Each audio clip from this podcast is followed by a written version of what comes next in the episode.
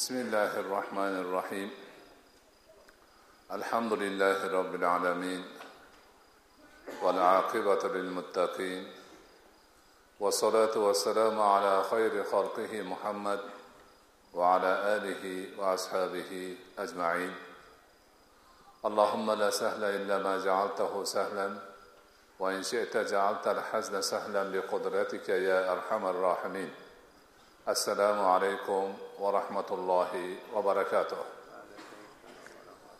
alloh subhanahu va taoloning ulul azm nabiylaridan bo'lmish iso alayhissalom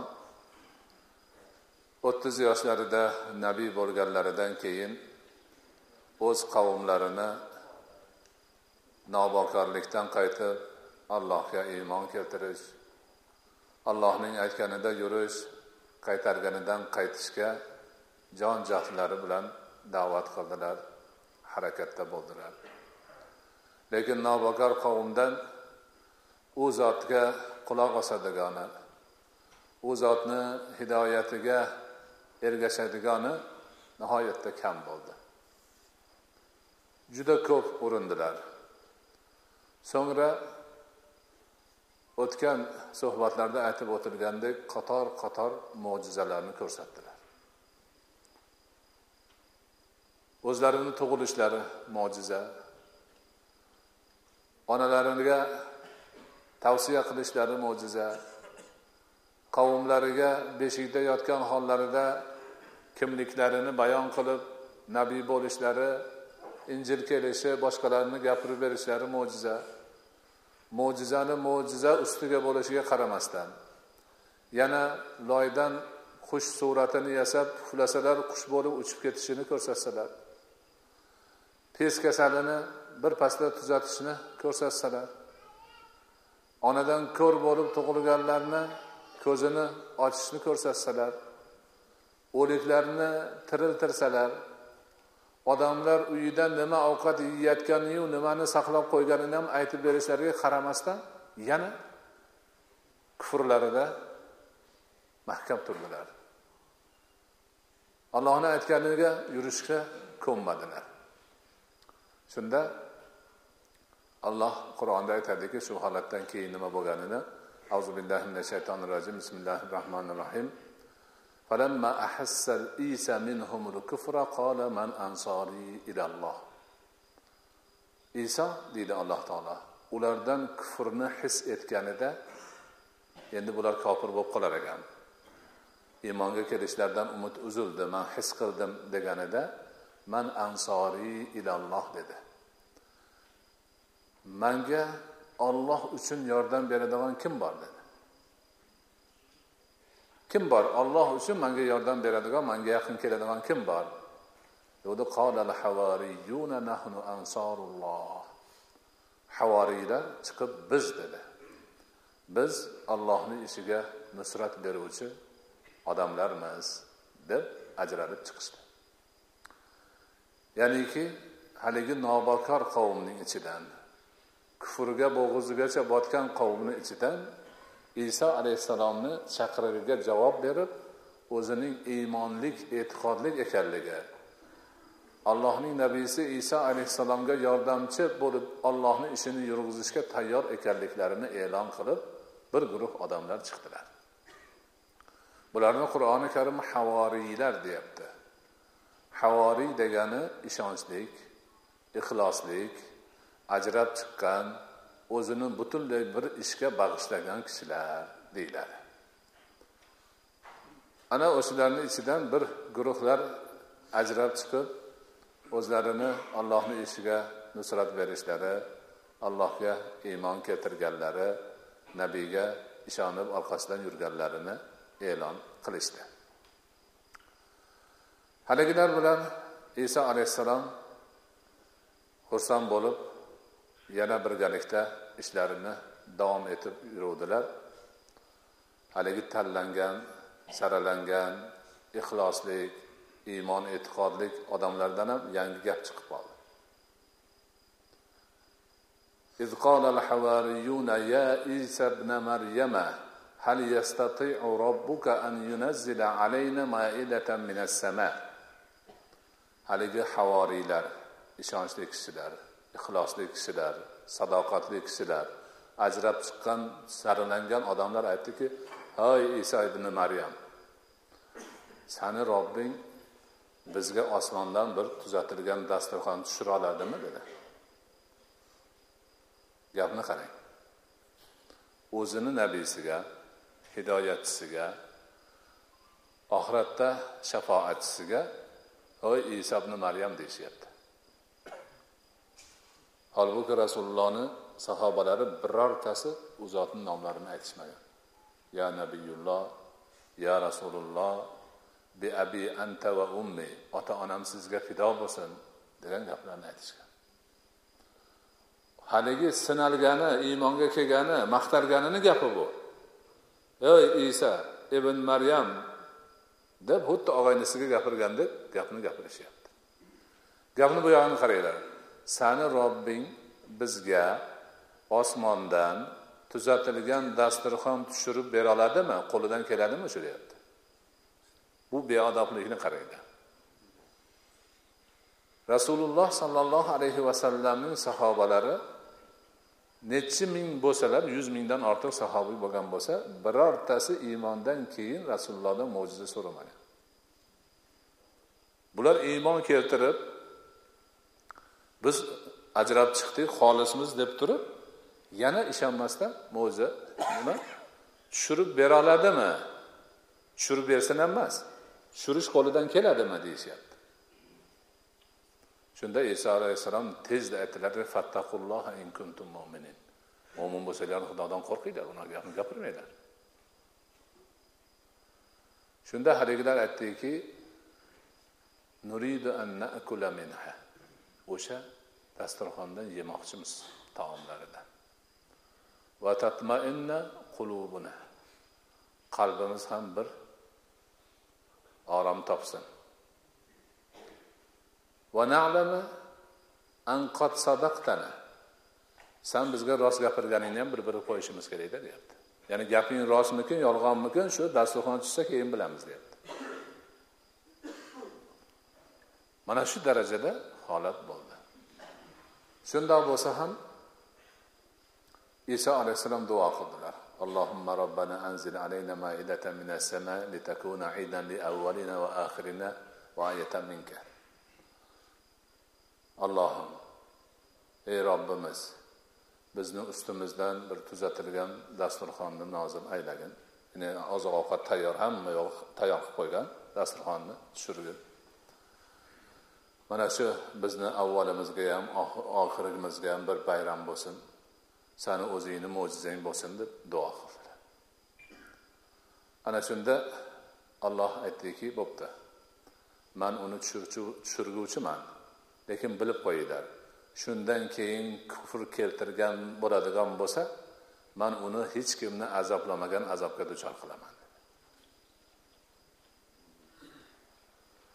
Mana shunday demak holat yuzaga keldi. Nihoyatda og'ir bir holat bo'ldi. Iso alayhissalomga buni ustiga o'sha vaqtni yahudiylari qattiq dushmanlik qilar. Qayerga borsalar qarshi chiqar fitna uyushtirishar edi. U zot bir yerda turolmasdilar o'shalarni fitnasidan. Onalari bibi maryam bilan hali u yerga ko'chib hali bu yerga qochib hali u yerga bekinib o'sha da'vatlarini qochib yurib qilardilar. Oxiri bo'lmay haligi dushmanlar dimashqni bir yomon zolim podshosi bor edi. Shu podshoga borib chaqimchilik qilishdi. Qudus tarafda bir odam chiqdi. O'zini nabiyman yoki xudoman deb davo qilyapti. Odamlarni yo'ldan uryapti. Sani ham tagingga suv quymoqchi. Nima desa deyishib haligi podshohni zolimni achchig'ini chiqarishdi. Keyin u podshoh o'zini qudusi sharifdagi voliysiga xabar yubordi. Ana shu buzg'unchilik qilib yurgan odamni ushlab osinglarda boshini ustiga tikonni sanchib qo'yinglar tikonni degan buyruqni berdi. Haligi voliy endi buyruqni bajarishga harakat qiluvdi. Yahudiylar hammasi unga askar bo'lib qo'shilishdi. Iso alayhissalomni topib o'ldirib xochga osib boshlariga tikonni sanchib qo'yishni rejasi bilan quvlashni boshlashdi. Jumadan shanbaga o'tar kechasi qorong'i paytda iso alayhissalom o'zini oz sonli havoriylari bilan qolgandilar. Bu voqealar qorong'ida to'stapalonda bo'lganligi uchun noaniqliklar juda ham ko'p. O'sha iso alayhissalom bilan birga qolgan odamlarni ba'zilar o'n ikki kishi deydi ba'zilar o'n uch kishi deydi ba'zilar o'n yetti kishi deydi. Necha kishi bo'lsa bo'lsin bir uyga kirib bekinishdi qorong'ida turishibdi. Haligilar g'ala g'ovur qilib kelishyapti izlashyapti u yer bu yerni qilyapti qochishni iloji qolmadi. Shunda iso e, alayhissalom aytdilarki kim mani tusimga kiradi? dedi. Bir yosh yigit o'sha qavm ichida eng yoshi man deb oldinga chiqdi. Qarab turib bu bola yosh ekan dedilarda san bu yoqda turib deb turib kim mani tusimga kirishni istaydi? dedilar. Hamma jim turaverdi haligi yosh yigit yana chiqdi. Yana qaytardilar. Uchinchi marta ham shunday bo'lgandan keyin yana o'sha yigit chiquvdi o'sha sansan dedilar. O'sha sansan ya'ni mani tusimga san kirasan dedilar. Va unga va'dalarni aytdilar. Shunda haligi navbakorlar bostirib eshiklarni bostirib kirayotganlarida yaqin qolganlarida iso alayhissalomni mudroq bosdi. Mudroq bosgandan keyin mo'ridan alloh taolo u zotni qutqarib o'ziga ko'tarib oldida haligi kirgan yahudiylar iso alayhissalomni tuslariga kirib turgan yosh yigitni o'ldirishdi. O'ldirishib ko'tarib olib chiqib xochga osishdida boshiga tikonni qo'yishib qo'ydi. Keyin hammaga e'lon qilishdi. Biz isoni o'ldirdik deyishdi. Ana shu demak bo'lgan hodisa shu. Hodisa haligi aytgandek qorong'ida to'staqo'larni ichida bo'lgan har kim o'zini aytganini aytaveradi lekin haqiqat qur'onniki qur'on haqni aytgan. U nobakalllarni qo'li iso alayhissalomga tegmagan. Alloh taolo o'ziga ko'tarib olgan buni qur'onda aytgan. Ya'ni ularni u o'ldirgani ham yo'q o'ldirishgani ham yo'q isoni osishgani ham yo'q. Balki olloh o'zi uni o'ziga ko'tarib oldi degan. Endi mana shu holatda yahudiylar davo qilishadiki biz isoni tutib o'ldirdik. Olib chiqib xochga osdik. Boshiga tikonni qo'ydik boshqa gap yo'q tamom. Masihiylar aytadiki iso o'lgan ko'milgan ammo ikki kundan keyin qayta tirilgan deydi. Yana bir turubi boshqa gapni aytadi. Uchinchisi mana hammasi o'lgan qayta tirilgan. Ya'ni odamlarni gunohini o'ziga olish uchun o'zini fido qilib o'ldi yana qayta tirildi. Xudomiz deydi. O'lib tirilsa xudo bo'ladimi? E'tiqodlari shu. Lekin bizni e'tiqodimiz bo'yicha iso alayhissalom o'lganlari yo'q alloh taolo u zotni o'ziga ko'tarib olgan. Endi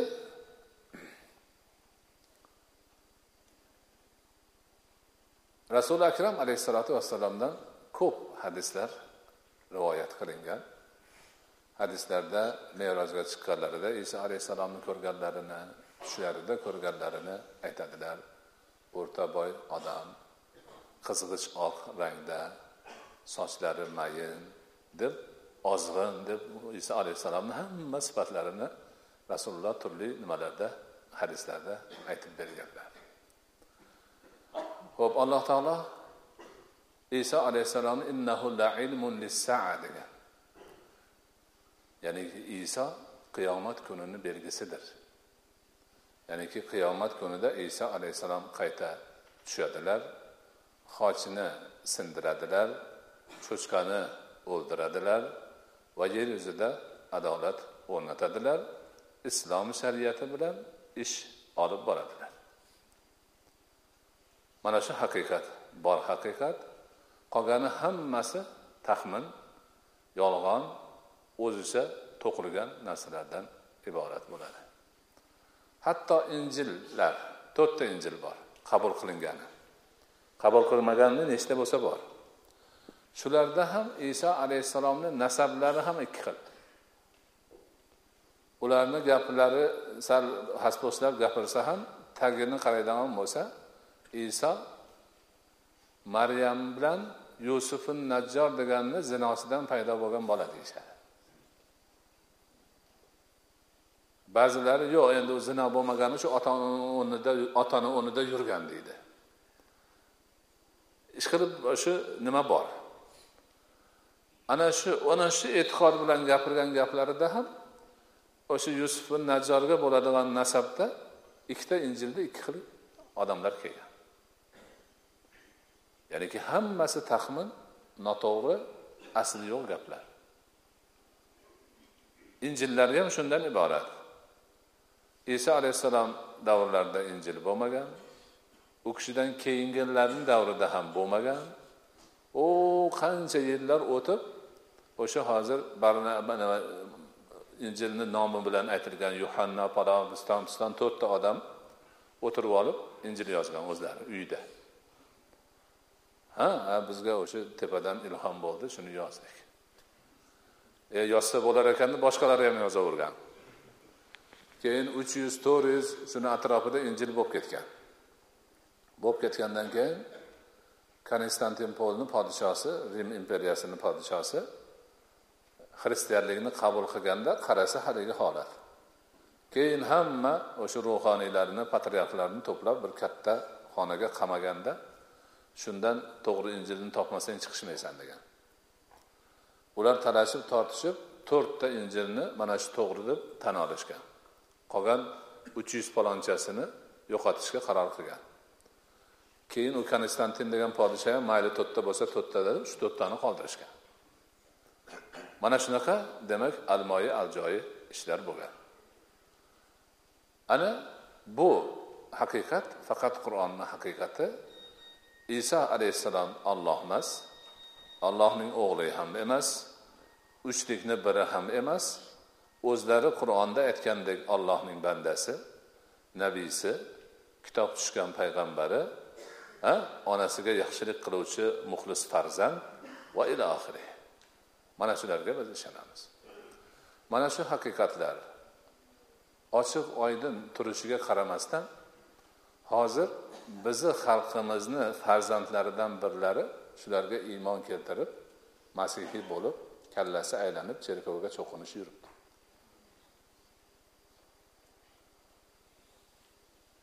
Bo'lgan bo'lmagan deydiyolarni aytishadi. Alloh o'zi saqlasin bunaqa narsadan. Mana nabiylarni qissalari qur'oni karim asosida rasuli akram alayhissalotu vassalomning sunnatlari hadislari asosida eng pok nabiylarga olloh bergan martabani o'zlariga qaytarib bergan qissalar hisoblanadi. Haqiqat mana shunday bo'ladi. Mana bu narsalarni demak biz mo'min musulmon kishilar sifatida qur'onda kelgan haqiqat sahih sunnatda kelgan haqiqat sifatida bilmog'imiz kerak. Chunki bu payg'ambarlarni hammasiga iymon keltirishimiz bor. Bizni iymonimizni ajralmas bir qismi. Agar biz muhammad alayhissalomga iymon keltirsak qur'oni karimga iymon keltirsak la ilaha illallohni aytsak namoz o'qib ro'za tutib haj qilib zakot bersaku iso payg'ambar emas desak musulmonligimiz qolmaydi. Qur'ondagi haqiqatni inkor qilgan bo'lamiz. O'sha yigirma to'rt payg'ambardan qay birini payg'ambar emas degan odam tamom musulmonligi qolmaydi. Bu esa islom dinini bag'ri kengligidan insoniyatni barcha yaxshilarini merosxo'rligi ekanligidan merosxo'ri ekanligidan. Islom dini allohning barcha dinlarini samarasini to'plagan olamshumul din ekanligi. Nabiy muhammad sollallohu alayhi vasallam ambiyolarni durri ekanliklari. Qur'on o'zidan oldingi barcha ilohiy kitoblarni ma'nolarini haqiqatini o'ziga jamlagan allohning oxirgi mukammal qiyomat qoyim bo'lguncha boqiy qoluvchi mo'jiz kitobi ekanligini dalilidir islom ummati barcha ilohiy kitoblar nabiylarga ega bo'lgan ummatlarning merosxo'ri ekani. Ularni davomchisi ekani ularni hammasini e'tirof etishi bag'ri kengligi ularni hammasini birodarimiz nabiyimiz deyishi mana shu yigirma to'rtta nabiy maryam ona boshqalar hammasi keldi. Farzandlarimiz nomlari bor. Iso degan bolalarimiz ko'p muso degan bolalarimiz ko'p horun degani bor ibrohim ismoillar hamma yoqda. Qizlarimizga ham maryam degan ismlarni boshqalarini qo'yamiz. Hammasi shu bag'rikenglikdan o'shalarni bir qismi ekanligimizni bildiradigan holatdan hisoblanadi. Alloh subhanahu va taolo o'z nabiylari haqidagi qissalarni demak o'rganganimiz uchun ajrimizni savobimizni ko'paytirib bersin. Ana shu qissalardan ibrat olib yaxshi bir holatda demak iymon keltirgan holimizda e, alloh subhanahu va taologa qurbat hosil qilib u zotni rozi qilib yurishimizni o'zi ta'minlagan bo'lsin.